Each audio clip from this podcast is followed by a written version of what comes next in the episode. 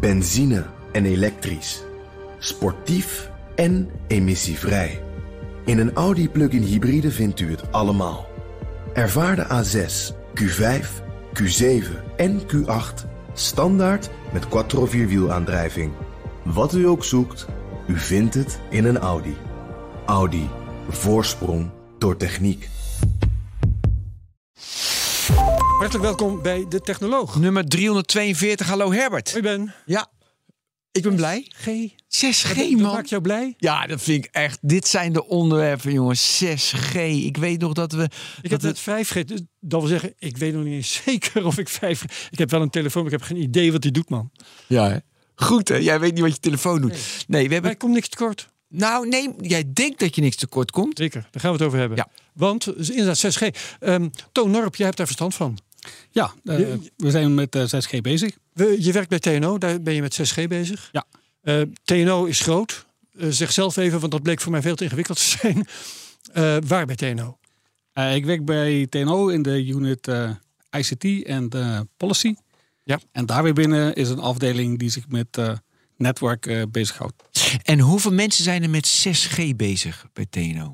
Of doe jij dan ook 5G of doe je ook andere networken connection dingen? allerlei soorten netwerken. Dus het is moeilijk om te zeggen wie dan specifiek met 6G bezig is, en wie met 5G. Of, dat is, eh, ja, dat loopt door elkaar heen. Maar het is niet zo dat er eh 5 FTE continu aan het bedenken, uitwerken zijn. 6G moet hier naartoe. Dit is de technologie. Dit, dit worden de applicaties. Dat niet. Nee, dat, eh, zo, zo werkt het niet. Het is, je doet een, een researchprogramma project en dat gaat dan over 6G. Maar er zijn ook mensen bijvoorbeeld met de policy aspecten bezig. En die hebben misschien ook weer betrekking op 6G, maar voor een deel ook weer niet. Dus Ja. het loopt door elkaar heen. We zaten Oké. net een beetje te geinen. ehm, maar eh, even terug naar eerdere technologieën. Hè. Ik heb het even opgezocht. In 2001 kwam 3G. Eh, het ligt een beetje aan wat je, wat je, waar, waar je prikt. Hè. De, Mhm. Het eerste prototype of de commerciële eh, hoe heet het, uitrol. Nou goed, maar 2001 3G, 2009 4G, 2019 5G. Ehm, 5G nog niet helemaal uitgerold. Dat, daar baal ik van. Daar komen we ook nog even op terug. nog- Ja, komen, komen we zo op terug.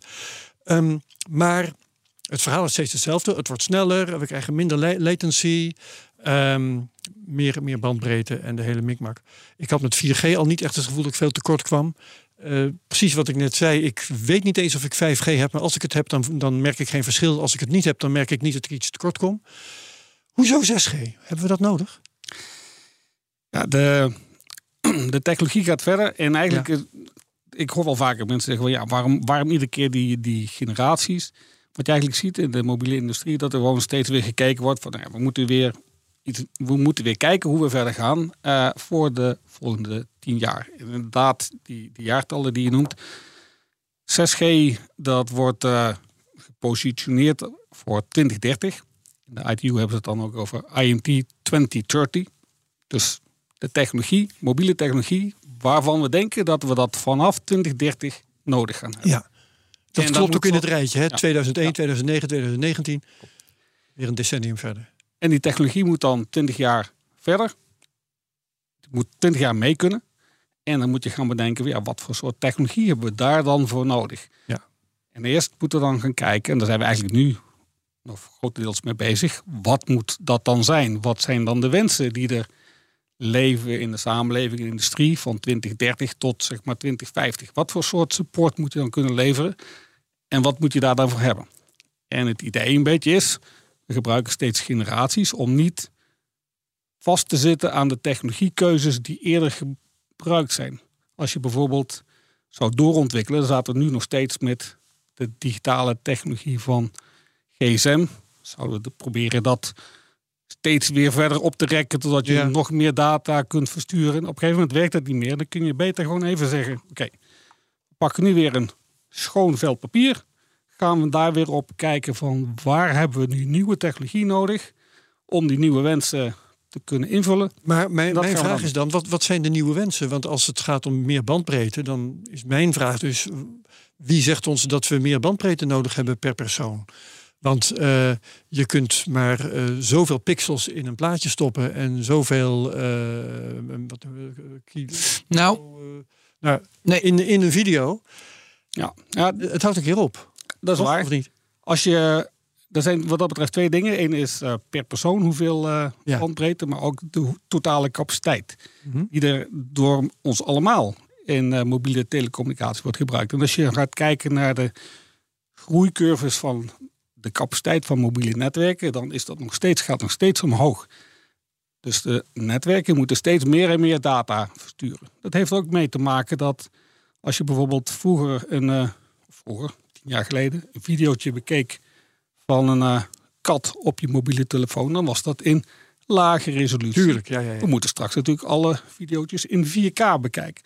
Dat betekent dus dat voor zo'n video dat je steeds meer data gaat versturen. Ja. Daar komt nog bij, Maar die, maar die Ja, 4K, VR. daar, daar zijn we nu toch?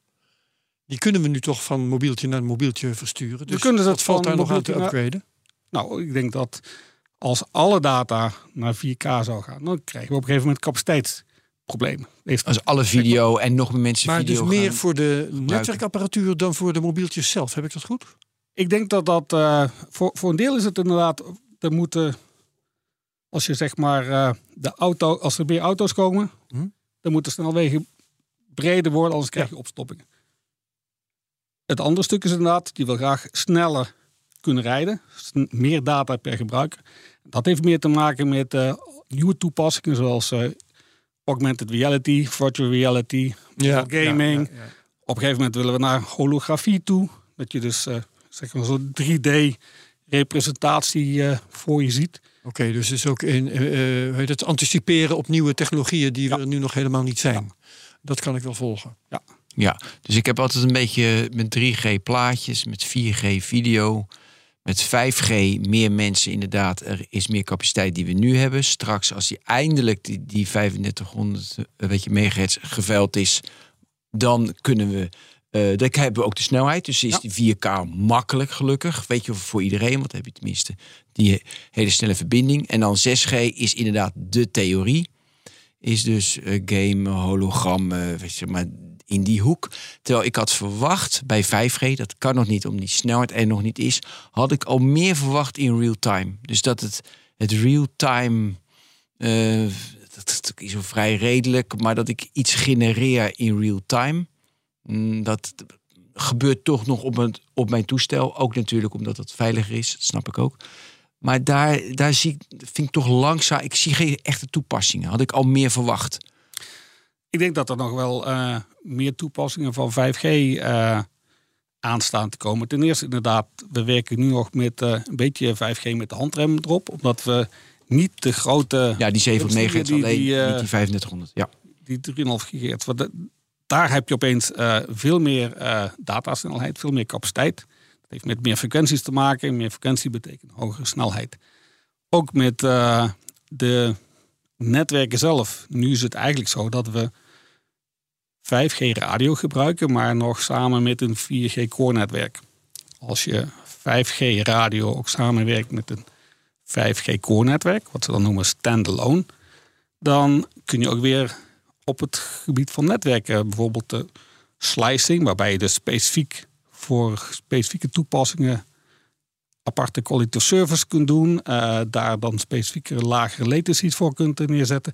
Dat soort dingen die eh, komen er ook nog aan. Ja, dat vind ik interessant dat je zegt. Want je vertelde eerder van eh, eigenlijk met een, het nieuwe netwerk gooi je eigenlijk het, het oude weg. Dus de hele legacy gooi je weg. Dat is best wel in de technologie uniek. Want heel ja, je kijkt nu anders. Maar ehm, in technisch vaak bouwen op, bouwen op, bouwen op. En dan heb je heel veel legacy en heb je shit en dan ben je weg. Maar eh, nu is 5G nog op het oude 4G core netwerk gebouwd. Bij 3G kreeg je 3,5 volgens mij. Dat was op het oude. En dat was op het oude. En 4G was weer nieuw. Een nieuw core netwerk. Ja? Ehm, dat is best wel uniek. Waarom krijgt het netwerk dat wel voor elkaar? Is dat omdat de kosten relatief laag zijn? Of waarom kan dat? Vind ik knap. Kunnen we dat niet overnemen ergens anders? Ja, of we dat over kunnen nemen. Ja, ergens dat weet ik ook niet, maar het, maar ik, het is wel inderdaad, er wordt, er wordt steeds gekeken van eh, wat willen we eigenlijk met zo'n nieuwe generatie kunnen. En dan ga je vervolgens kijken van oké, nou dan heb ik misschien ofwel nieuwe radio nodig, of ik heb een nieuw core netwerk nodig, of misschien heb ik ze allebei nodig, een nieuwe radio en een nieuw core netwerk. En dan ga je kijken wat dat moet zijn. Met 5G, uh, in principe is er dus een nieuwe radiotechniek gekomen. Nieuwe radio heet dat. En een nieuw core-netwerk is er gekomen. Meer uh, cloud gebaseerd uh.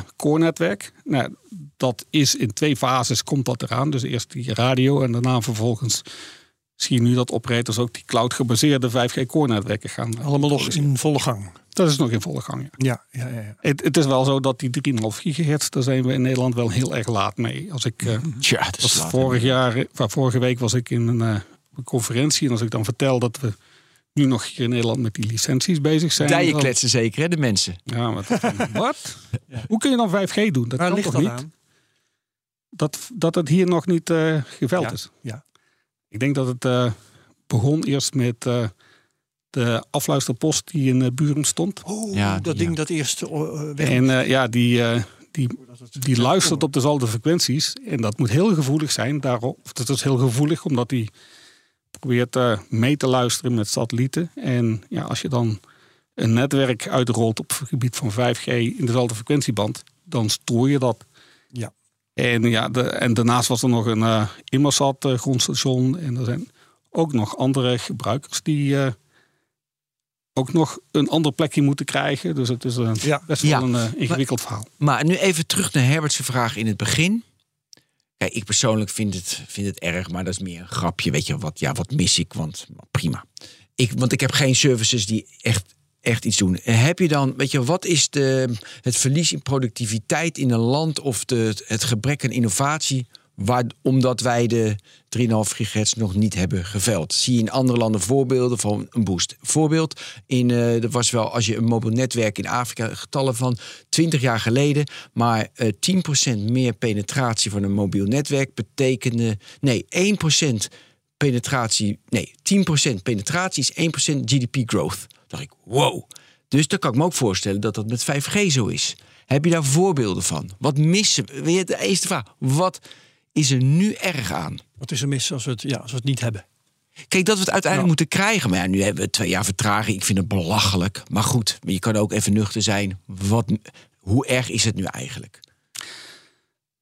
Ja, om daar een getal aan vast te plakken, het is heel lastig. Ik, wat ik zie. TNO doet onderzoek. Ja, maar wij doen niet het uh, commerciële okay. onderzoek om te kijken. Wat, wat, wat je ziet is dat uh, voor eindgebruikers betekent het gewoon meer ja, hogere datasnelheden. Ja. Maar om daar een financieel getal aan te plakken, dat is niet zo makkelijk.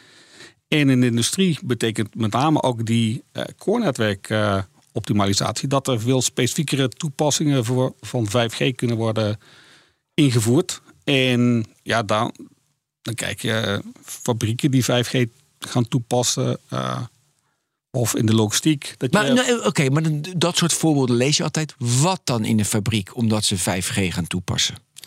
Als je bijvoorbeeld uh, sensoren in een fabriek. Ik, ik, voorbeeld geef ik altijd uh, een, uh, een fabriek waarbij je dopjes op een fles moet laten. En, mm. ja. Afvullen van flesjes. Bier. Moet er een ja. bier, moet er een dop opgeslagen worden.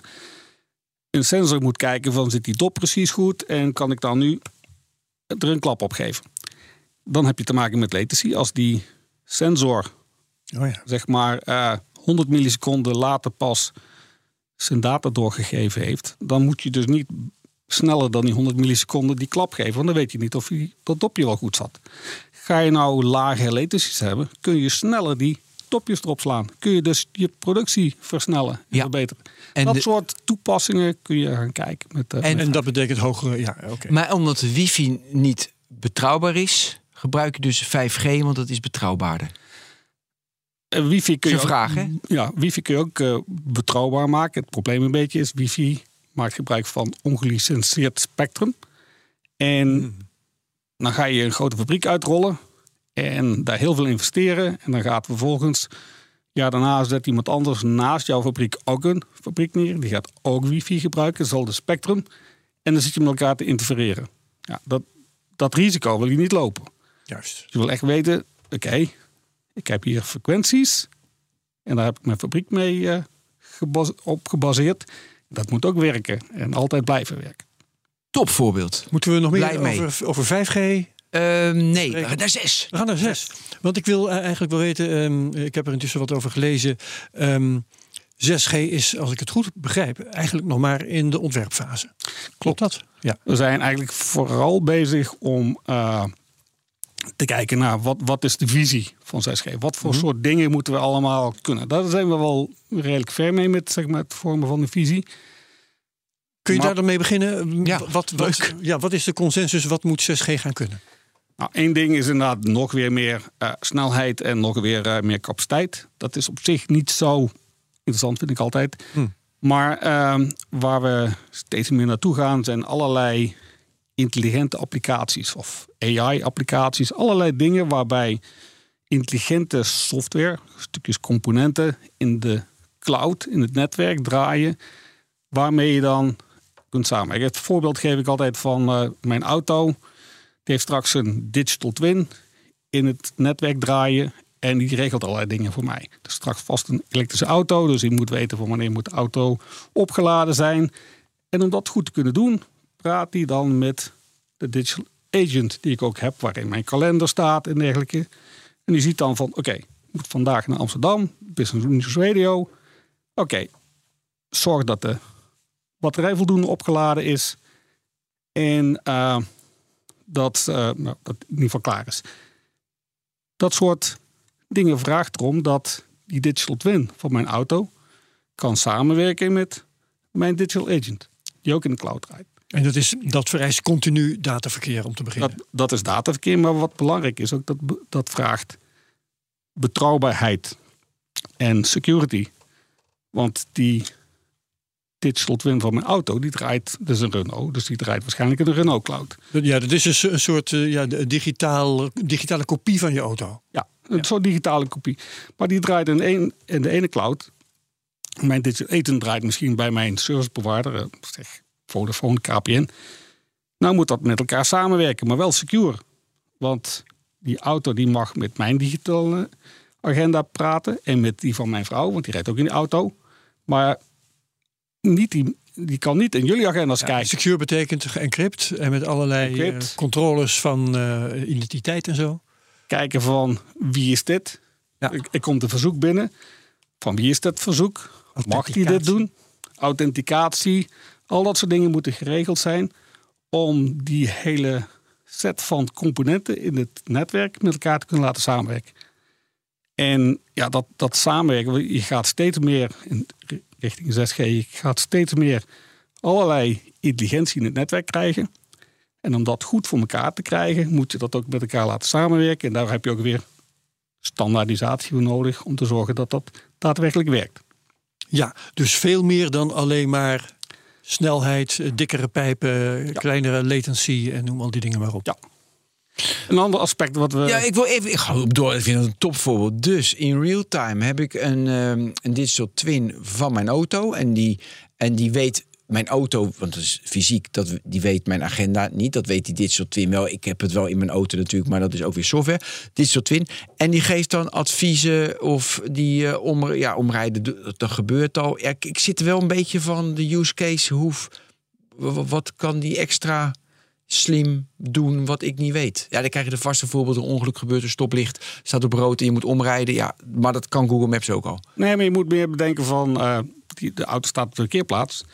En eh, als die, eh, zeg maar, als ik op een dag niet, eh, niet ver weg moet, of alleen even naar, eh, naar Teno heen en weer rijden, een paar kilometer, dan hoeft die batterij niet vol te zijn. En dan kan die batterij misschien gebruikt worden om ergens anders energie aan Ja. te leveren. Oké. Maar als ik weet dat ik de volgende dag naar eh, ergens ver weg in, in Duitsland moet, dan moet die batterij niet hebben. Full power. vol zijn. Full power. Nou, dat soort dingen om dat, Om dat slim te doen. slim te kunnen doen. En eh, beginnen jullie ook met die visie dan met dit soort eh, use cases? Daar beginnen jullie mee?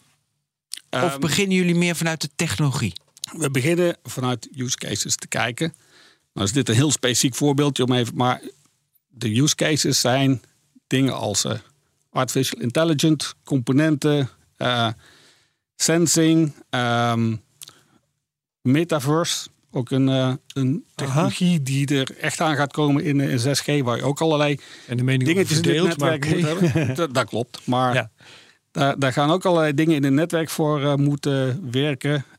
Die, die digital twins, AI, applicaties. Allemaal dingen die in het netwerk draaien. Die dingen voor jou gaan doen in het netwerk. En die dingen moeten, die, die componenten in, het, in de cloud, moeten dan met elkaar kunnen samenwerken. Om daarmee we zeggen, ja, de, de digitale samenleving te ondersteunen. Ja, dat ja. kan dus van alles en nog wat aan applicaties zijn. Die, die digital twin van mijn auto en mijn digitale agenda zijn voorbeelden. Maar je kunt van alles en nog wat bedenken aan ja. betaalverkeer. Uh, ja, Ja, doe eens e-commerce platforms. Want eh, we- jullie hebben een document, daar komen we straks op terug. De, de 6G Future, dan moesten jullie geld ophalen, toch? Ja, en eh dat stonden allemaal leading applications. Dan heb je transport hubs, remote surgery, smart grids, wireless detection, wireless factory. Nou, de voorbeelden. Ehm, digital spot en e-commerce. Geef ook. e- En dat, om dat uiteindelijk te krijgen, heb je dus functionaliteiten nodig. Sensing, bandwidth en latency. Dat moet allemaal goed geregeld zijn. En we komen zo op de rest. Maar noem dan even wat leuk altijd voorbeelden in de e-commerce. Dan wordt het een beetje beeldend voor ons. Waarom hebben we 6G nodig op een e-commerce platform? Of als je die niet paraat hebt, dan mag je direct naar remote surgery. Snappen we?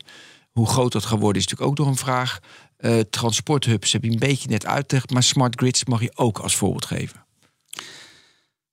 Ja, de, het probleem wat, wat ik daarbij heb met voorbeeld is dat er zijn heel veel verschillende dingen. Het is allemaal een klein beetje hier, een klein beetje daar. En het met elkaar laten samenwerken. Maar om nou te zeggen van op, op e-commerce is er één ding wat je niet met 5G kunt en wel met 6G, dat is een heel lastige. Het is net zoiets van, eh, ja, wat is nou de applicatie van het internet? Nee, oké, maar heel wat? veel applicaties die samen mogelijk worden gemaakt door het internet. En dat zie je dus ook dat er heel veel applicaties zijn die mogelijk worden gemaakt door al die artificial intelligence componenten en met elkaar samen jouw leven ondersteunen. Ik wil specifiek, als het mag, de AI-component in een netwerk. Wat betekent dat precies? Het is een stukje software die ergens in het netwerk heb je mobiele telefoon en je hebt je het mobiele netwerk. In het cloud-netwerk van eh, de, de, heb je de, de cloud providers, de, de Amazons en dergelijke. Ja. In die cloud draai je stukjes software die dingen voor jou doen. En dat kan van alles en nog wat zijn. Dat kan zijn inderdaad dat optimaliseren van je auto. Dat kan zijn dat je eh, met AR-VR bezig bent en dat die, die moet dus eh, bedenken wat het beeld is wat jij ziet. Ja. Allerlei dingen die daar in het netwerk gebeuren, die dingen doen voor jou. Ik zal een science fiction voorbeeld geven. Ik heb een bril op ehm, en ik loop op straat. En in real time wordt er een laag over mijn beeld wordt er geprojecteerd. Ja. Als dat in real time moet gebeuren. En wat dat dan moet zijn, moet daar, als dat met AWS of met Azure is geconnect of Google Cloud, je mag ze allemaal gaan noemen. eh, mo- moet daar, dat zit natuurlijk AI die zorgt van die beelden, welke beelden er overheen moeten. Ja. Dat is dus een, een voorbeeld. Dat is een voorbeeld. En eh, dat moet dan ook bij jou in de buurt zijn vanwege je de, de lage latency. Ja. Stel dat je eh, hier bezig, hier loopt en je hebt zo'n bril op waar informatie op geprojecteerd kan worden. Nou, dat draait dat hier in Nederland in de, in de cloud. Maar als je nou op vakantie bent in zeg Spanje, dan wil je diezelfde soort diensten hebben. Maar dan werkt het niet meer als die server of die, die intelligente component nog steeds in Nederland eh, draait. Want dan krijg je te veel latency. De transport Ja. gewoon van Interconnection, Spanje- Ja. waar we het dan over hebben. Dus die applicatie die moet met jou mee verhuizen. Die gaat achter je aan, zeg maar, door de cloud. En die draait dan in Spanje. Ja. Nou, al dat soort dingen, dat dat werkt. Dat je zo'n applicatie met iemand mee kunt verhuizen. Van de ene provider naar de andere provider. Van de ene cloud naar de andere cloud. Dat zijn dingen die je met 6G moeten gaan regelen. Ja, ja. En je zegt dus, er wordt op dit moment gepraat over het, eh, de- het mogelijke ontwerp. Wie praat er daar? Wie is op dit moment betrokken bij het overleg daarover? Eigenlijk de, de hele telecommunicatie-industrie. Dus de, de vendors van netwerkapparatuur, Ericsson, Nokia, Huawei. Ja. eh, maar ook device-leveranciers, eh, operators. de, de, de Oranges, de Vodafones, dat soort partijen. Maar ook tegenwoordig de toepassingen. eh, bijvoorbeeld, de, er zijn organisaties, 5G ASIA bijvoorbeeld, is een organisatie die vertegenwoordigt de fabrikanten. Die ook nu met 5G bezig zijn om dat toe te passen. En die willen kijken van wat moet ik dan straks met 6G. Dus die zijn ook bezig om eh, mee te praten over hoe 6G eruit moet zien. Ja. Zijn er belangrijke meningsverschillen dan? Als daar vergaderd wordt, eh, mensen komen internationaal ergens bij elkaar. Eh, waarover wordt dan van mening verschild? Nou, e- eerlijk gezegd, ik denk dat het redelijk opgeleid is van wat zeg maar de, eh, de verschillende visies zijn over 6G. Je hebt eh, visies vanuit Azië, je hebt visies vanuit de Verenigde Staten, eh, Europa. En toch wel dat AI, sensing, ook heel belangrijk sustainability, dat komt overal terug. En dat is redelijk eh, opgeleid. Er zijn natuurlijk altijd wel accentverschillen, maar, te eh, vergaderen ben je zo klaar. maar eh, het is niet zo dat het nou compleet anders is. Dat, dat hadden we met 5G wel wat meer. Dat, in Europa wilde iedereen die, die toepassingen in fabrieken hebben. En in Azië zeiden van nou, gaat alleen maar om meer capaciteit. Die toepassingen hm, zal wel. Hmm. Ik denk dat het nu wat, wat meer allemaal eh neuzen dezelfde kant op is. Wat- Ja, dus gaat het dan ook heel snel? Mm, Dat weet ik nog ook, ook niet. niet. Dat, eh, Ja, maar hangt, is er gewoon die deadline 2030? Weet je, dat is natuurlijk wel. weet- dus die deadline is 2030. Dus eh, als je heel snel gaat, dan kan je aftikken en dan is het 2028. Ja, dus de deadline is 2030. Dus we moeten. Ja, en daarna moet de hele technologie nog ontwikkeld worden. En, en daar zitten natuurlijk 101 belangen achter. Eh, als ik misschien een eh, idee had als fabrikant om eh, bepaalde technologie in te brengen, dan is het misschien wel heel belangrijk om bepaalde eisen die daarmee worden ingevuld in te brengen. Ja. Nou, ze spelen allerlei op heel veel niveaus. Die, die, die hun eigen patenten graag erin willen Ja. fietsen om daar Ja. veel geld aan te verdienen. Dat speelt altijd ook nog mee. Ehm, maar op grote lijnen, zeg maar, wat, wat moet het gaan worden? Denk ik dat, eh, dat er wel alignment is. Waar nog wel een beetje verschil zit, is eh, wat je nou gaat doen met die hoge datasnelheden. Mhm. Hoge datasnelheden, daar heb je veel frequenties voor nodig. En de frequenties zijn vooral te vinden in de hoge frequentiebanden. Zeg maar eh, ja. honderden gigahertz. ja, we hadden het net over de 3,5 gigahertz. Hè? Die eh, speelt een rol bij 5G. Daar gaan we dus ver boven zitten. Ja, we hebben het dan over zeg maar 100 tot 400 eh, gigahertz. Dat soort frequentiebanden. Daar is heel veel spectrum te vinden. Mhm. Het grote probleem alleen is dat als je dat soort spectrum hebt, dat wordt bijna licht. Dus dat Ja. betekent ook dat als ik, mijn, eh, als ik een radioconnectie heb, ik steek mijn hand op, dan wordt die connectie misschien alweer verbroken. Omdat die Ja, licht gaat, komt niet ver. gaat niet ver. Ja. En dat maakt het wel lastig. Dus er is een beetje de vraag van ja, en hoe belangrijk moet dat nou worden, die, eh, die hele hoge frequentiebanden? En kunnen we niet beter ons richten op wat lagere middenfrequenties? Zeg maar. Dat is frequenties van 7 gigahertz tot 15 gigahertz. Het voordeel daar is dat als je nu alles uit de kast trekt met eh, de nieuwe radiotechniek, kun je die frequenties gebruiken op de bestaande opstelpunten. Dus waar we nu in het land overal masten zien staan van de mobiele operators, kun je diezelfde plekken gebruiken voor die frequenties.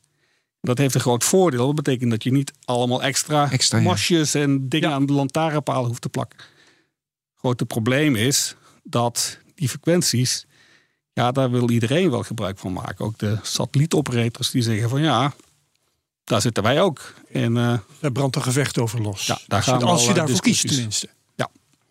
Maar ik denk dat dat wel een, eh, ja, dat wel, wel een frequentieband waar eh, vanuit de mobiele telecommunicatie-industrie graag eh, gebruik van gemaakt gaat Ja. worden. Er is eigenlijk een, eh, een oorlog over de frequenties. Die, die eh, 3,5 gigahertz in met, eh, eh, met in Friesland, weet je, dus dat was de één. En nu weer. Er is altijd oorlog over frequenties. Ja, maar kunnen we daar niet iets aan doen? BNR is op dit moment ook bezig. Bezig met, met FM-frequentie. Nee, Ja, maar kunnen soms we heet daar- het oorlog, soms heet het veiling. Ja, veiling. Maar goed, kunnen we, is daar, zijn er oplossingen voor of is dat gewoon knokken? Want er is beperkte ruimte. Er is beperkte ruimte, dus er is een schaarste aan frequenties en dat moet je netjes verdelen. Nou, uh, oorlog zou ik het niet willen noemen, maar er zijn discussies in uh, wat heet de World Radio Conferences, of World Radio Congress. Ja. Er is er nu ook weer eentje in, uh, in 2023.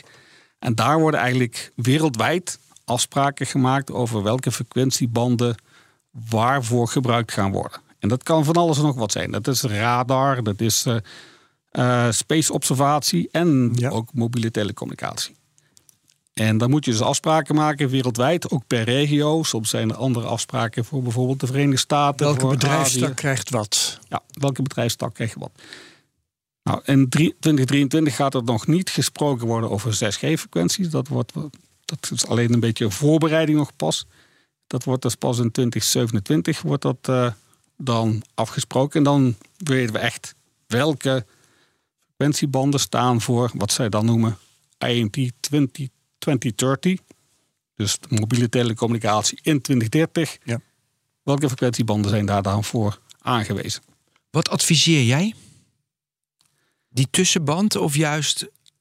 Ik denk dat, dat merk die, ik wel aan je. Ja, die tussenband is uitermate geschikt om meer capaciteit te leveren. En je moet ook bedenken, straks uh, in 2030, 2040 lopen misschien allemaal met van die uh, augmented reality glasses rond door binnenstad om continu te zien van oh, uh, daar is een aanbieding in de winkel of ja, daar staat een huis al dat soort dat, ja. dat moet allemaal dat is een hele berg met capaciteit die geleverd moet worden buiten in de stad. Nou, dan kun je met deze frequentiebanden kun je dat heel mooi prima kun je dat oplossen. Maar daarnaast, als je gaat kijken naar bijvoorbeeld de operating room met uh, een holografische weergave van de aders van de patiënt, als een soort uh, minimum invasive surgery aan het doen zijn, of dotteren, wat dan ook. Dat soort dingen, daar heb je nog weer meer data voor nodig, maar wel op specifieke plekken. Nou, daar kun je dan beter die hoge frequentiebanden voor gebruiken. Dat is ook indoor, hoef je niet van die hele lange afstanden af te leggen. Ja. Daar denk ik dat die hoogfrequentiebanden vooral geschikt voor zijn. Wat zijn nou verder de, de, belangrijkste keuzes die nog moeten worden gemaakt? Zijn dat nou vooral dit soort dingen? Uh, welke frequentieband kiezen we voor 6G? Uh, hoe, hoe pakt die uh, um, krachtmeting uit van mensen die, of bedrijven of, of bedrijfstakken die bepaalde frequentiebanden willen? Wat is op dit moment nog het spannendste? Nou, ik denk dat we zijn wat dat betreft nog best wel uit het begin. Uh, visies zijn er, maar bijvoorbeeld welke technologiekeuzes er gemaakt gaan worden, ook aan de netwerk. Ook nog helemaal open. Dat is nog helemaal open. Uh, frequentie, uh, dat hangt ermee. De, daar weten we nog niet echt van welke frequentiebanden het gaan worden. Dat heeft weer een impact op de radiotechnologie. We kunnen alvast gaan kijken nu van, oké, als we die frequentiebanden van zeg maar 100 tot 400 gigahertz gaan gebruiken, dan heb je andere radiotechniek voor nodig dan voor de 700 uh, megahertz die we nu hebben voor 5G. Ja. Dus andere techniek moet ontwikkeld worden, maar misschien is het straks wel met name die, die 12 tot 15. En misschien moet er dan weer net een ander smaakje ja. van de radiotechniek. Maar als, uh, als Toon Norp van TNO uh, nu gewoon dat 6G-netwerk even mag uh, bouwen. Wat voor keuzes maak jij dan? Kun jij dan soms even meenemen wat uh, op dit gebied wil ik dat, op dat gebied wil ik dat. Wat, wat zou jouw voorkeur zijn als je die keuzes zelf mag maken? Nou, voor, voor radio-interface is het denk ik het allerbelangrijkste dat je verschillende frequentiebanden hebt. Eentje laag, want je wil ook zorgen dat je heel brede coverage kunt leveren. Ook in gebieden waar anders, uh, ja, waar, waar, niet zo heel veel mensen wonen. Dus met 5G ook aan de hand, ja. hè, die spreiding. Nou, dan dus die middenfrequenties om heel veel capaciteit buiten te leveren. En dan die hele hoge frequenties om echt de hele hoge datasnelheden te kunnen gebruiken. In operating rooms, in, uh, in draadloze tv-studio's, camera, draadloos verbonden met, uh, met de mengtafel. Dat ja. soort toepassingen moet je dan denken. Hele hoge datarates. Dat wil je ook hebben. Drie verschillende frequenties. En daarachter een netwerk wat helemaal gebaseerd is op uh, cloud technologie. Maar dan wel graag op een manier met allerlei gestandaardiseerde interfaces ertussen. Wat ik niet graag zou zien is dat 6G netwerk door de grote hyperscalers, zeg maar, eh, door een Amazon of door een Google, dat daar de hele cloud en alle diensten voor geleverd worden. Dat zou niet, eh, ja, ik denk niet dat Dat dat handig Niet al is. je eieren Ja. in één mandje. Is niet alle zo? eieren. Ik zou niet willen dat, want straks 6G levert eigenlijk de ondersteuning voor de hele digitale samenleving. Alles draait er straks op. En als je dat allemaal bij één partij neerlegt, stel dat er een, eh, een software eh, glitch is Ja. en de cloud ligt er vier uurtjes uit, dan ligt ook vier uur de hele samenleving. Zoiets was het laatst bij AWS, eh, dacht ik toch ook, of niet? Nou, Zo'n grote outage. Voor mij ook lokaal heb je natuurlijk eh, continu. Nou, er zijn wel autootjes. En, Ja, en het Ja, ja. probleem is straks, dat heeft heel veel impact als straks de mobiele telecommunicatie eruit ligt. Energiebedrijven, die werken ook op de cloud. Eh, je kunt, als je niet oppast, kun je zeg maar de hele samenleving op een paar cloud eh, providers hebben draaien. En dan heeft dus een outage ook een enorme impact. Ja, maar kijk Toon, ik draai natuurlijk eh, de hele samenleving bij vier cloud providers. Dus als er eentje omvalt, heb ik nog drie andere. En wat ik toch... Ja, nee, jij dat zegt... kan. Maar ja, je kunt ik- alles redundant en driedubbel redundant maken. Ja, maar als ik nu een... eh, Dat is wel duur, hè, trouwens. en, die, en, die, en die big scalers die lachen zich helemaal kapot. Maar goed, maar het blijft steeds, met die cloud providers blijft het winner takes all. ja, En weet als ik, ik. nu bijvoorbeeld, als ik nu zeg, eh, zeg dat Amazon heeft de beste aanbieding voor mobiele operators. Dan zitten straks alle mobiele operators zitten bij dezelfde cloud provider. Ja, die willen geen kunnen- dief zijn van hun eigen portemonnee. Ja, en, die, en als ze bij elkaar zouden gaan zitten om afspra- afspraken te maken over... als jij nou bij cloud provider X gaat zitten... dan ga ik wel bij cloud provider Y zitten om een beetje redundantie in te brengen. Dat, dat mag niet eens. Ze mogen niet dat soort afspraken maken over bij welke partij ze gaan inkopen. Dus het is best mogelijk dat als we niet oppassen... dat zeg maar alle operators op één cloud provider zitten. Eén glitch betekent drie netwerken eruit. En als je pech hebt, dan zit er ook nog een paar van de energieproviders op diezelfde cloud. Dan heb ik ook nog geen elektriciteit. Ja, maar hier heb je vast over nagedacht hoe je dit op wil lossen. Ja, door, eh, door ervoor te zorgen dat we interfaces hebben tussen verschillende clouds. En dat je dus ook makkelijk van de ene naar de andere cloud heen en weer kunt Maar hoppen. precies beetje wat ik zei. En, en dus niet, niet het idee van Dus het is switchen, maar niet dubbel. switchen, eh, meerdere providers. Misschien ook een paar providers die niet vanuit de Verenigde Staten komen. Dat we ook lokaal wat dingen hebben. Er zijn ontwikkelingen gaande om eh, te kijken of we meer interfaces tussen cloud providers minder afhankelijk van de grote cloud providers zijn. Vanuit maar- Europa wordt het ook gezien als een, een te groot risico. Ja, maar in Gaia X praat je dan over. En, dat- en daar moeten inderdaad de cloud providers heel snel kunnen Dus dat is een afspraak tussen verschillende cloud providers. Mhm. En jij weet hoe dat project loopt. Ja, eh, En als zou jij, beter kunnen. Zou beter, nou ja, maar gewoon slecht. Ehm, maar goed, als jij dus in 2030, weet je, zijn ze al best wel een paar jaar mee bezig met Gaia X, verschillende technologen overgemaakt.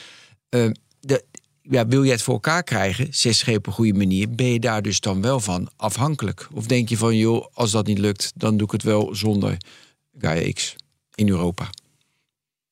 Ik weet niet of, we, of het Gaia X moet zijn of dat er andere eh, afspraken moeten komen. Maar ik, ik denk dat we kunnen niet in een 6G eh, of een digitale samenleving werken waar we maar een paar verschillende clouds hebben. Ik denk niet dat dat eh, voldoende is en zeker niet. Want het heeft te maken met eh, strategische autonomie. Dat zie je dat, dat de overheid is wat dat betreft ook veel meer geïnteresseerd in wat er met 6G gebeurt nu, dan dat ze destijds met 5G bezig waren. Ze willen echt kijken. komt dat? van- nou, omdat straks de hele samenleving op die digitale infrastructuur Ja, meer dan nu op 5G. Ik heb vroeger, in, eh, dat was meer dan tien jaar geleden, dus met eh, de overheid gesproken. En dan had ze het over eh, kritische dienstverlening. Mhm. Kritische dienstverlening was een beetje gedefinieerd. Als dat er nou drie dagen niet is, dan hebben we relletjes. Dan moet de ME op straat. Dus bijvoorbeeld bevoorrading van supermarkten. Als dat drie dagen niet draait, dan hebben mensen geen eten meer. En dan heb je dus echt rellen. Dan wordt er geplunderd. Dan, nou, mobiele telecommunicatie toen de tijd was nou, niet relevant. Ja, misschien een beetje, want misschien die bevoorrading van die supermarkt het heeft misschien wel mobiele telecommunicatie nodig. Ja. Nou, Maar nu het Fast hele forward naar betaalnetwerk. 2030. Ja, alles. ja. Het grootste probleem wat ik zeg, als nu internet eruit ligt, kan die niet werken. Oké, nou dan pak ik wel een terrasje, ga ik een biertje drinken. Nee, kan ook niet. Kan ook niet, want ik kan niet betalen. En dan denk ik, nou ga ik wel naar huis, kom ik thuis. Je Heb komt ik natuurlijk, thuis. Ja. ja, want de openbaar vervoer werkt niet, mijn auto werkt niet. Stel ik loop naar Lopen, huis, Ja. dan sta ik bij de voordeur. Ik heb er natuurlijk zo'n nieuwe wetse De, eh, uh, deurklink die, ja, eh, die ik niet van Amazon. Heb je hem van Amazon? Ik ken niet, jongens. Van Google. Dus Maar goed. mijn deur gaat niet open. Nou, eh, het geeft een voorbeeld van... we zijn veel meer afhankelijk van Nee, de infrastructuren daar. En dat moet echt veilig, betrouwbaar. En we moeten zeg maar vanuit Europa, vanuit Nederland... zelf kunnen bepalen wat er daar gebeurt. En niet afhankelijk zijn van ofwel China... ofwel de Verenigde Staten... Dat is een goed punt. Kun- Kunnen we daar even heen? Ja, prima. Dat eh, had ik eh, genoteerd in de voorbereiding. Ehm, ik begrijp dat in het nadenken over hoe 6G eruit moet gaan zien, dat er ook aandacht is voor, voor de vraag: hoe voorkomen we dit keer dat we afhankelijk worden van China? Gooi. Ehm, kun je even uitleggen hoe, hoe daarover gepraat wordt? Want je zei net al, Huawei is zelf ook betrokken bij dit soort besprekingen. Dus er wordt dan hardop gezegd, eh, ja, eh, Huawei, ga even de kamer uit. Of eh, zeg je het met elkaar van, we moeten even voorkomen dat we afhankelijk worden van één partij of één land. Hoe gaat dat? Nou, ik, eerlijk gezegd, als ik ben, dan gaat het wat mij betreft allemaal om die strategische autonomie. En dat betekent niet dat je dan per se, wat mij betreft, een bepaalde vendor moet uitsluiten. Wat natuurlijk is. Dat wordt ook niet met zoveel woorden gezegd. ehm, ja, ik, ik denk dat je, dat hangt een beetje vanaf waar je praat. Als ik praat met, eh, met zeg maar de, de partijen Nokia, Ericsson, Mhm. die zeggen allemaal, nou, wat vooral belangrijk is, is dat we één standaard hebben. En daar moet Oké, Huawei en de Chinezen ook aan meedoen. ja. Als je gaat kijken in het Witte Huis, dan heb je waarschijnlijk een ander eh, verhaal over hoe belangrijk het is dat China meedoet. En ja, dan. Ja, maar één standaard, eh, dat eh, verzekert een bepaalde mate van concurrentie. Ja. Als je bang bent voor achterdeurtjes, dan is één standaard niet voldoende. Nou, ik denk dat eh, waar het ons om gaat, is dat je dus onafhankelijk bent van allerlei partijen. En dat je kunt zeggen van oké, eh, als zeg maar Chinese apparatuur, als je daar eh, wat zorgen bij hebt, dat je ook andere apparatuur kunt hebben. Maar dat is, dat is volgens mij nu ook al zo. Alleen de Chinese apparatuur wordt gekozen omdat die meer waar voor zijn prijs biedt. Ja, Toch? Dan moet je, dan moet je ervoor zorgen dat eh, andere apparatuur ook meer waarde voor zijn geld heeft. En dat betekent dat je misschien Ja. moet investeren in eh, Europese technologie eh, Ja, ja, ja. Maar dat zijn geen keuzes die je maakt in het overleg over 6G. Dat zijn wel keuzes die worden gemaakt in bijvoorbeeld eh, de 6G research. Ja, Mhm. want we zijn bijvoorbeeld met TNO hebben een, een voorstel samen met de industrie ingediend op gebied van dat heet Future Network Services. Ook om te kijken naar 6G eh, onderzoek. En daar wordt bijvoorbeeld de Nederlandse industrie, specifiek bijvoorbeeld de semiconductor-industrie in, eh, rondom Eindhoven, NXP, eh allerlei antennecompanies. eh dat proberen we te stimuleren, zodat we ook zeg maar eh, Europese en Nederlandse technologie kunnen kiezen die straks een beste performance voor een, eh, een goede prijs heeft. Ik wil even op de documenten doorgaan. Jullie hebben die aanvraag gedaan. Heb je dat geld al binnen? En hoeveel is het? Iets van 200 miljoen of zo? Ehm, we hopen eind deze maand, begin eh, volgende maand, hopen we te horen of we dat eh, budget gaan krijgen. Ehm, in totaal, zeg ik altijd, is er 315 miljoen staat er eh, voor dat hele programma. Maar dat is inclusief financiering die ook van de partijen zelf komt. En doet België heeft ook zo'n eh, Future Network ehm, Services programma. En Denemarken ook. En Duitsland waarschijnlijk ook. Ik denk ook Italië. Dus hoe moet ik dat het is zien? niet zo dat eh, we hebben. We hebben voor de Europese Commissie gekeken naar wat voor soort national initiatives zijn er. En we kwamen op uh, zeven grote initiatieven. En groot moet je dan denken aan 100 miljoen plus. Initiatief, zeven initiatieven in zes verschillende landen. En dan heb je bijvoorbeeld Frankrijk, 735 miljoen. Duitsland ook ongeveer 700 miljoen. ja, ja, dan maar... heb je in Spanje, Italië, maar niet in alle landen. In, in nee. België niet. In, Maar mijn vraag is natuurlijk eigenlijk, dat zit eronder, van ja, dat is niet zo handig. Gaat Frankrijk onderzoek doen en Duitsland, dan moet ik een beetje even samenwerking komen dat we tot een, ja, samen kom je toch misschien iets verder. Ja. Alleen geen snel, nee. Maar snap je dus, is dat niet zonde? Daarom waren we dus ook uh, in gesprek om te kijken van hoe we dingen meer samen kunnen doen. Of laat zo zeggen, je moet ervoor zorgen dat je kunt voorborduren op wat andere landen of die Europese programma's gedaan hebben. En dat je die dingen gewoon dubbel doet terwijl het niet nodig is. Van de andere kant spelen er ook dingen per land. Nederland wil graag de semiconductorindustrie ondersteunen die ook in het Eindhovense zit. En niet ieder land in Europa heeft zo'n semiconductorindustrie. Dus de belangen wat dat betreft zijn ook niet altijd hetzelfde. ja wat ieder land heeft, is dat je graag wil, uh, wil supporten dat de nieuwe technologie, de, de 6G-technologie, gebruikt gaat worden in het land. En mhm. dat zijn weer dingen die je toch eigenlijk gewoon iedere keer weer opnieuw moet doen. Als je zeg ja, maar, dat, dat, dat, doet het bedrijfsleven, de commissie doet het toch gewoon. Die hebben toch gewoon een uh, incentive, een verdienmodel om dat te doen. Ja, maar de, laat zeggen vanuit de, vanuit de Europese research wil je graag ondersteunen dat bedrijven, dat ik zeggen, eh, de, als je kijkt naar fabrieken die, die 5G toepassen, dat, dat wordt ondersteund door zeg maar trials te ondersteunen. Uh, en als je dan zeg maar in, in Nederland een trial doet met Nederlandse fabrieken, dan is dat niet zo dat automatisch dan in de, zeg Slovenië dat ze daar de fabrieken dan ook weten, oh dat hebben ze in Nederland, daar hebben ze dat gedaan. Dan gaan we eventjes buurten bij die Nederlandse fabriek om te kijken hoe we dat moeten doen. Nee, dan moet je gewoon nog een keer zo'n trial uit, uh, uitvoeren. Dus dat, dat, zie je in alle verschillende nationale initiatieven zie dat uh, voorkomen. Dat er wordt gekeken naar toepassingen. Toepassingen specifiek in die verschillende landen.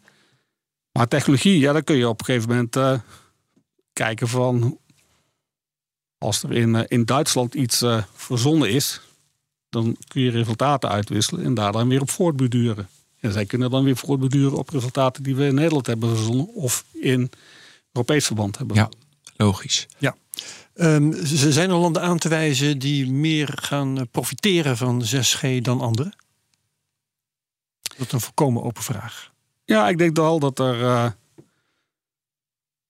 je ziet nu bijvoorbeeld een aantal landen heel erg inschieten op dat, op dat 6G. Finland, die heeft maar liefst twee van die grote programma's. Daar zit natuurlijk ook Nokia, Nokia heel veel geschiedenis. Uh, technologie-vendors. Uh, Duitsland, ook met veel semiconductor-industrie en ook...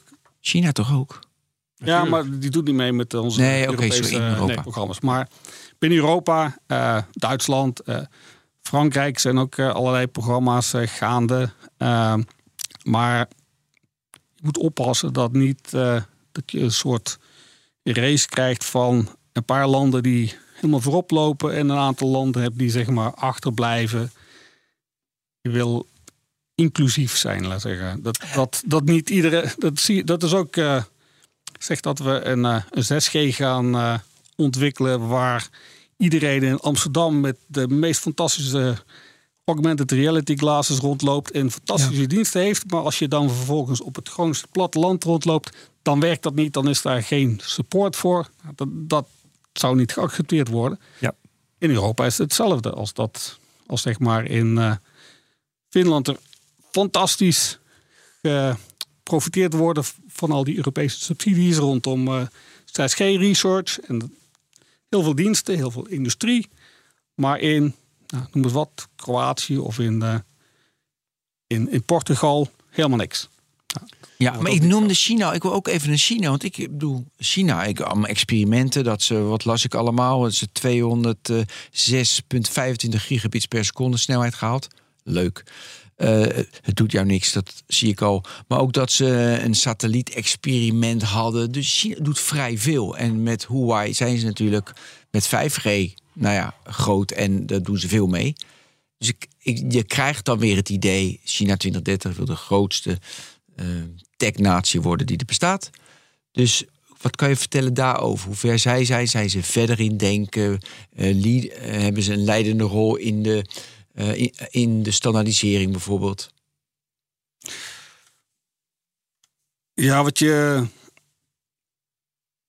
bepaalde gebieden, bijvoorbeeld die, wat je ziet, die, die satellietnetwerken, daar zijn ze heel erg op aan het drukken. Dat je 6G dat het niet alleen aardse netwerken zijn met basisstations op de grond, maar dat je dat integreert met een hele laag van satellieten. Daar zijn ze in China heel erg druk mee bezig. Je kunt ook zeggen, ja, logisch, want in, in Nederland satellieten hebben misschien niet helemaal nodig om Nederland uh, dekking te kunnen leveren. En in China is dat natuurlijk totaal ander verhaal. Dus die satellieten, daar kan ik ook wat bij voorstellen. Van de andere kant zie je ook dat ze problemen hebben.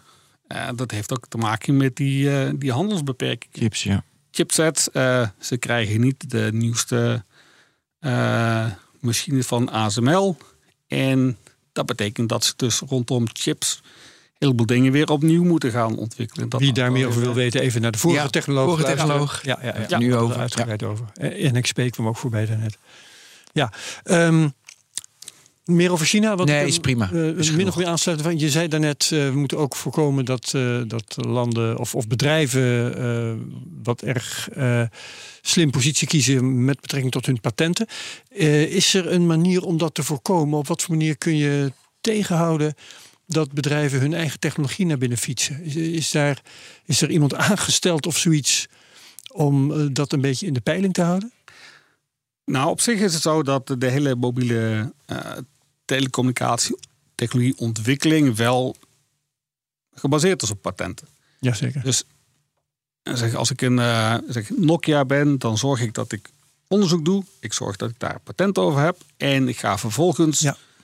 in die standaardisatie zorgen dat die technologie erin zit. En daar kan ik dan geld mee. En Ericsson doet dat. En, en dat doen ze allemaal. Iedereen doet en dat betekent dat je zeg maar zo op die manier uh, geld terug kunt verdienen op basis van de research. Maar dat doen we wel op een manier dat het, uh, dat heet dan uh, fair, reasonable en non-discriminatory friend. Dat je dus niet zegt van, oké, okay, ik heb een patent. Ja. En dat betekent dat deze technologie alleen maar door mij kan worden geleverd. Dat zou je ook kunnen doen met patenten.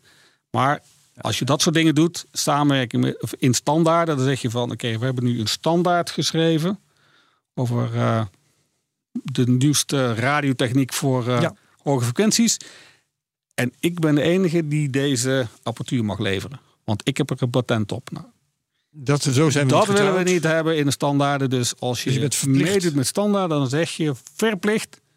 Oké, okay, ik, zal, ik wil wel graag inkomsten hebben. Ja. Maar ga niet de boel frustreren door onredelijke eisen te stellen. Dus iedereen die vraagt, die moet je een licentie geven. En de prijs mag ook niet onredelijk ja. zijn. En wie gaat daar dan over? Uh, daar gaat in principe eerst is het zo dat je als je lid wordt bijvoorbeeld van Etsy, dan moet je daar, uh, moet je daar een uh, soort Begin, moet je, moet je daar een verklaring voor ja, tekenen, ja, ja. anders mag je geen lid worden. Je onderschrijft door lid te worden die, die regels. En daarna gaat het de rechter erover. Als, uh, als iemand uh, als zeg maar een, een partij opeens onredelijke eisen gaat stellen, dan gaat die andere partij die stapt naar de rechter. Daar ga ik niet Meestal in ja. de Verenigde Staten, want daar uh, zitten een paar vriendelijke rechters. Ja, maar, en de, daar heb je ook grote. Zeg maar, de hoeveelheid geld die er gemoeid kan zijn met, met ah, ja. schadeclaims, die, die is hoog daar. Dus, dus dan ja. zie je daar en dat dan, werkt in de praktijk goed. Ja, kan het beter, vast, maar Hmm. het werkt wel. Ja, ja, okay. Ja, ik wil graag. We begonnen met die visie, daar begin je mee, zei je. Maar wat is daarna? Heb je het over de planning? Ja, over de, De planning. planning, ja. Want we hadden eerst een visie. En wat, ja, we hebben de hele uitzending Wel, we hebben een visie. Wat dan? Ja, Ja, maar dan? Ik het nog maar net. Nou, we, de- we hebben de visie. eh, Die hebben we nu goed geformuleerd volgens mij. Dat zijn we, ja, mooie visie. Nou, wat we eh, zeg maar. eh, we verwachten vanaf eh, volgend jaar dat dan die 3GPP-standaardisatie van start gaat. Eerst met het opschrijven van alle eisen. En uh, dan denken we dat wordt dan release 20 en release 21. Twee releases denken we nodig te hebben. En dan vervolgens gaan we uh, de studies doen over hoe dan die radiotechniek moet gebeuren en hoe die netwerktechniek wordt gebeuren. Ja. En dan zijn we ongeveer in 2028 met die specificaties, denken we, klaar te zijn. En ja, dan moeten dus de fabrikanten aan de gang. Uh, dan moeten er dus uh, apparatuur gemaakt worden volgens die standaarden. En dan zijn we in 2030 klaar. Ja, dat is je roadmap meer voor mij. Maar mij dus, dus dat is dus wat je allemaal gaat doen. Maar je gaat dus naar die visie, ga je dus opschrijven wat je allemaal wil. Zei je al, mm al die. Hoe ga je ermee om als er iets komt in 2027 en dan, ja, dan verandert toch alles weer. Dus hoe agile verschrikkelijk wordt, maar hoe agile werk je dan? Dus hoe iteratief is het? Hoe breng je dingen weer terug? Hoe flexibel? Flexibel. Nou, wat je wel altijd ziet is dat dat wat je in het begin hebt opgeschreven, daar ga je mee verder. Maar er wordt wel steeds weer verder ontwikkeld. Dat zie je ook nu met uh, zeg maar 5G. 5G was in de 3GPP-speak release 15. Maar er is ook nog een release 16 met wat extra features. Een release 17 met nog weer meer features. 18, 19. Er komen steeds weer nieuwe toepassingen bij. Wel zo dat die, uh, die eerste. Dus de eerste is bijvoorbeeld. Dus je wil. Uh, voor, dus noem eens een. Uh, je wil ja, wat zal ik noemen hier als voorbeeld? Ik zit nu in jouw documenten kijken.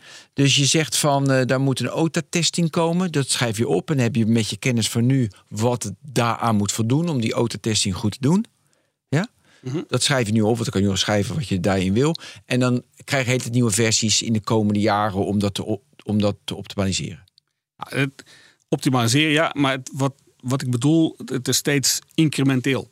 Natuurlijk. Dus er is steeds meer. Wat je niet gaat doen is zeggen van, uh, nou, dit, dit doen we niet meer, dat halen we eruit. Want dat, dat is lastig in die standaarden. Misschien is er wel iemand in uh, ergens ter wereld die juist wel dat stukje standaarden gebruikt. En dan kun je niet zeggen van, nou, die, die standaarden gelden niet meer. Dus het is altijd uitbreiden. Altijd een stapje erop. Pas als we weer met de nieuwe release beginnen, wij met de nieuwe generatie beginnen, zeg je op een gegeven moment... Alles weer van tafel, wat we in het begin. Leeg vel papier, opnieuw beginnen. Was je ook betrokken bij 5G? Ja. heb, je, heb je iets van tafel geveegd? Dat je, nee, daar heb je iets ja, van tafel geveegd. Uh, of iets ontwikkeld dat je dacht van, nou, dit is, dit is dom geweest. We hadden dit toe moeten voegen, maar dat stond, er niet, dat stond niet op papier. Dus ben je bang nu dat je iets niet toevoegt? Ik, zit een beetje, ik vind het zo moeilijk om zes jaar vooruit. Hoe doe je dat zes jaar vooruit kijken? Daar zoek ik dat is lastig bij. Ik zou moeten kijken van in de vroege generaties of er dan dingen waren waarvan. Of hele domme beslissingen. We hebben echt een beslissing genomen bij 5G dat je dacht van jongen, jongen, wat waren wij sukkels. Maar we hadden ervoor gekozen. We konden niet meer terug. We hadden subsidie. Nou, ik, ik, denk dat uh, als ik dan ga kijken naar, uh, naar 3G, dat weer nog langer ja, geleden, dan waren we waren van had echt het idee van het wordt een soort uh, breedbandversie van ISDN. En uh, dan gaan we allemaal uh, video bellen en uh, met, met aparte specifieke telefoniediensten die daar dan voor geschikt waren. Dat allemaal bedacht. En toen kwam op een gegeven moment iPhone en internet access. En alles werd anders. Allemaal gewoon alle diensten alles op internet, ja, en, internet. en zo'n iPhone. En dat is een totaal andere manier wat we bedacht hadden van tevoren. Ja, ja, ja. ja. Dus dat was wel even. dat kan dus ook gewoon. En het is nu met je hologram natuurlijk zo. Ja, ja, hologram ja, met metaverse bijvoorbeeld. Ja. Ja. het zou zomaar kunnen dat we straks denken van ja, of metaverse, ja, dat dachten we dat dat zou gaan komen, maar dat is natuurlijk totaal vlot geworden. En misschien is het wel iets heel, misschien de telepathie uh, eh, 6G ondersteunt. Uh, ja. Hadden dat hadden we in zijn we gek op telepathie. Ja. Nou, 7G. Had jij nog een belangrijke vraag? Ben? Nee, ik vond het leuk. Ik heb nog een onbelangrijke vraag. Want ik ben al lezend in de voorbereiding iets tegengekomen van ik dacht, hé, wat, wat is dat dan? Uh, we hebben het over toepassingen gehad. Um, heb je van alles over verteld. Uh, maar, wat, uh, maar niet wat ik toen tegenkwam, dat is namelijk dat 6G ook op een of andere manier kan werken als radar. Ja, Ja. Je zegt ja, dat is leuk. Even waarom mij dat verbaast. Eh, radar ken ik als eh, nou ja, een, een of andere installatie stuurt radiogolven uit die als het ware de omgeving belichten. En eh, wat er terugkaatst, dat ziet de installatie dan weer. En dat vertelt iets over wat er allemaal in de buurt hangt. Schepen, vliegtuigen, noem maar op. En hoe, wat voor vorm krijgt dat dan bij 6G? Hoe moet ik me dat gaan voorstellen? Want als je gaat kijken naar radar. Eh, bij TNO wordt ook eh, aan radar gewerkt, met name voor de marine. Vroeger had je van hele grote antennes die zeg maar Ja. ronddraaiden. Ja, Tegenwoordig is dat een array van allemaal kleine antennetjes. Zo'n vierkant. En Zo'n zo'n vierkant. En elektronisch gezien stuurt die een bepaalde bundel een bepaalde kant op. Ja. Toevallig is dat ook precies de technologie die voor 5G, 6G wordt ontwikkeld. Waarbij je een hele berg met kleine antenne-elementjes krijgt. Die dus in wat ze uitsturen ook intelligent de bundel vormen. Door die, die de gebruikers kan dingetjes volgen. en de- daarmee de gebruikers kan volgen. Ah, Dus die techniek van is allemaal arrays, je eigen bundeltje. die techniek van arrays wordt gebruikt voor communicatie en ook voor radar. Nou, als je dan gaat kijken, dan denk je op een gegeven moment: oké, misschien kan ik diezelfde antenne ook wel gebruiken om radarsignalen uit te zenden. Of misschien is het al zo dat ik gewoon de communicatiesignalen die ik toch al uit moet sturen om eh, te communiceren, ook, die, die worden ook gereflecteerd. Ja. En kan ik misschien daar informatie uithalen. Maar is, is dat nog open? Want ik vroeg me inderdaad meteen af. Gaat dan een 6G-antenne, die dus de omgeving belicht, zeggen, zeggen we maar even. Hè, eh, gaat die dan ook zelf die omgeving eh, bekijken, in kaart brengen en eh, daar dingen over eh, vastleggen, weet ik veel? Of is een 6G-antenne die de omgeving belicht, zodat ik daar wat aan heb met mijn mobieltje bijvoorbeeld? Er zijn verschillende dingen. Het kan ook zijn dat jouw mobieltje de omgeving belicht. Dat kan bijvoorbeeld, ja, je kunt een medische toepassing kijken. Bijvoorbeeld van, als je met die sensing techniek kun je ook bijvoorbeeld ook hartslag meten. Nou, ik kan me voorstellen dat je vanaf je mobiel kijkt wat hartslag is of je ademhalingsfrequentie en daarmee eh, je, je mobiel ligt op je nachtkastje naast je en die houdt jouw eh, gezondheid in de gaten. Dat zou ook een toepassing Ja. kunnen zijn. Maar we denken met name aan toepassingen, bijvoorbeeld een baasstation, wat eh, kan worden gebruikt om te zien waar, waar het druk is. Of een, bijvoorbeeld langs een spoorweg zijn er spoorlopers of staat er misschien eh, een hert op de, op de rails. Dat zijn dingen die je kunt zien op basis van dat soort signalen die zeg Ja. maar eh, het mobiele baasstation weer kaatst op dat hert. En dat wordt opgepikt. En dan zie je van, hé, hey, er staat iets op het spoor wat er niet thuis hoort.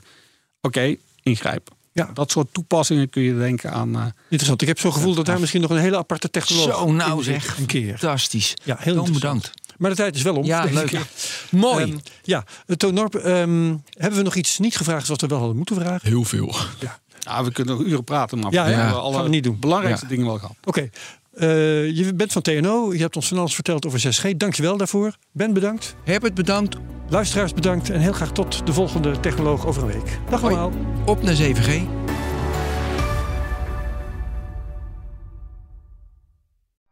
Benzine en elektrisch. Sportief en emissievrij. In een Audi plug-in hybride vindt u het allemaal. Ervaar de A6, Q5, Q7 en Q8 standaard met quattro vierwielaandrijving. Wat u ook zoekt, u vindt het in een Audi. Audi. Voorsprong door techniek.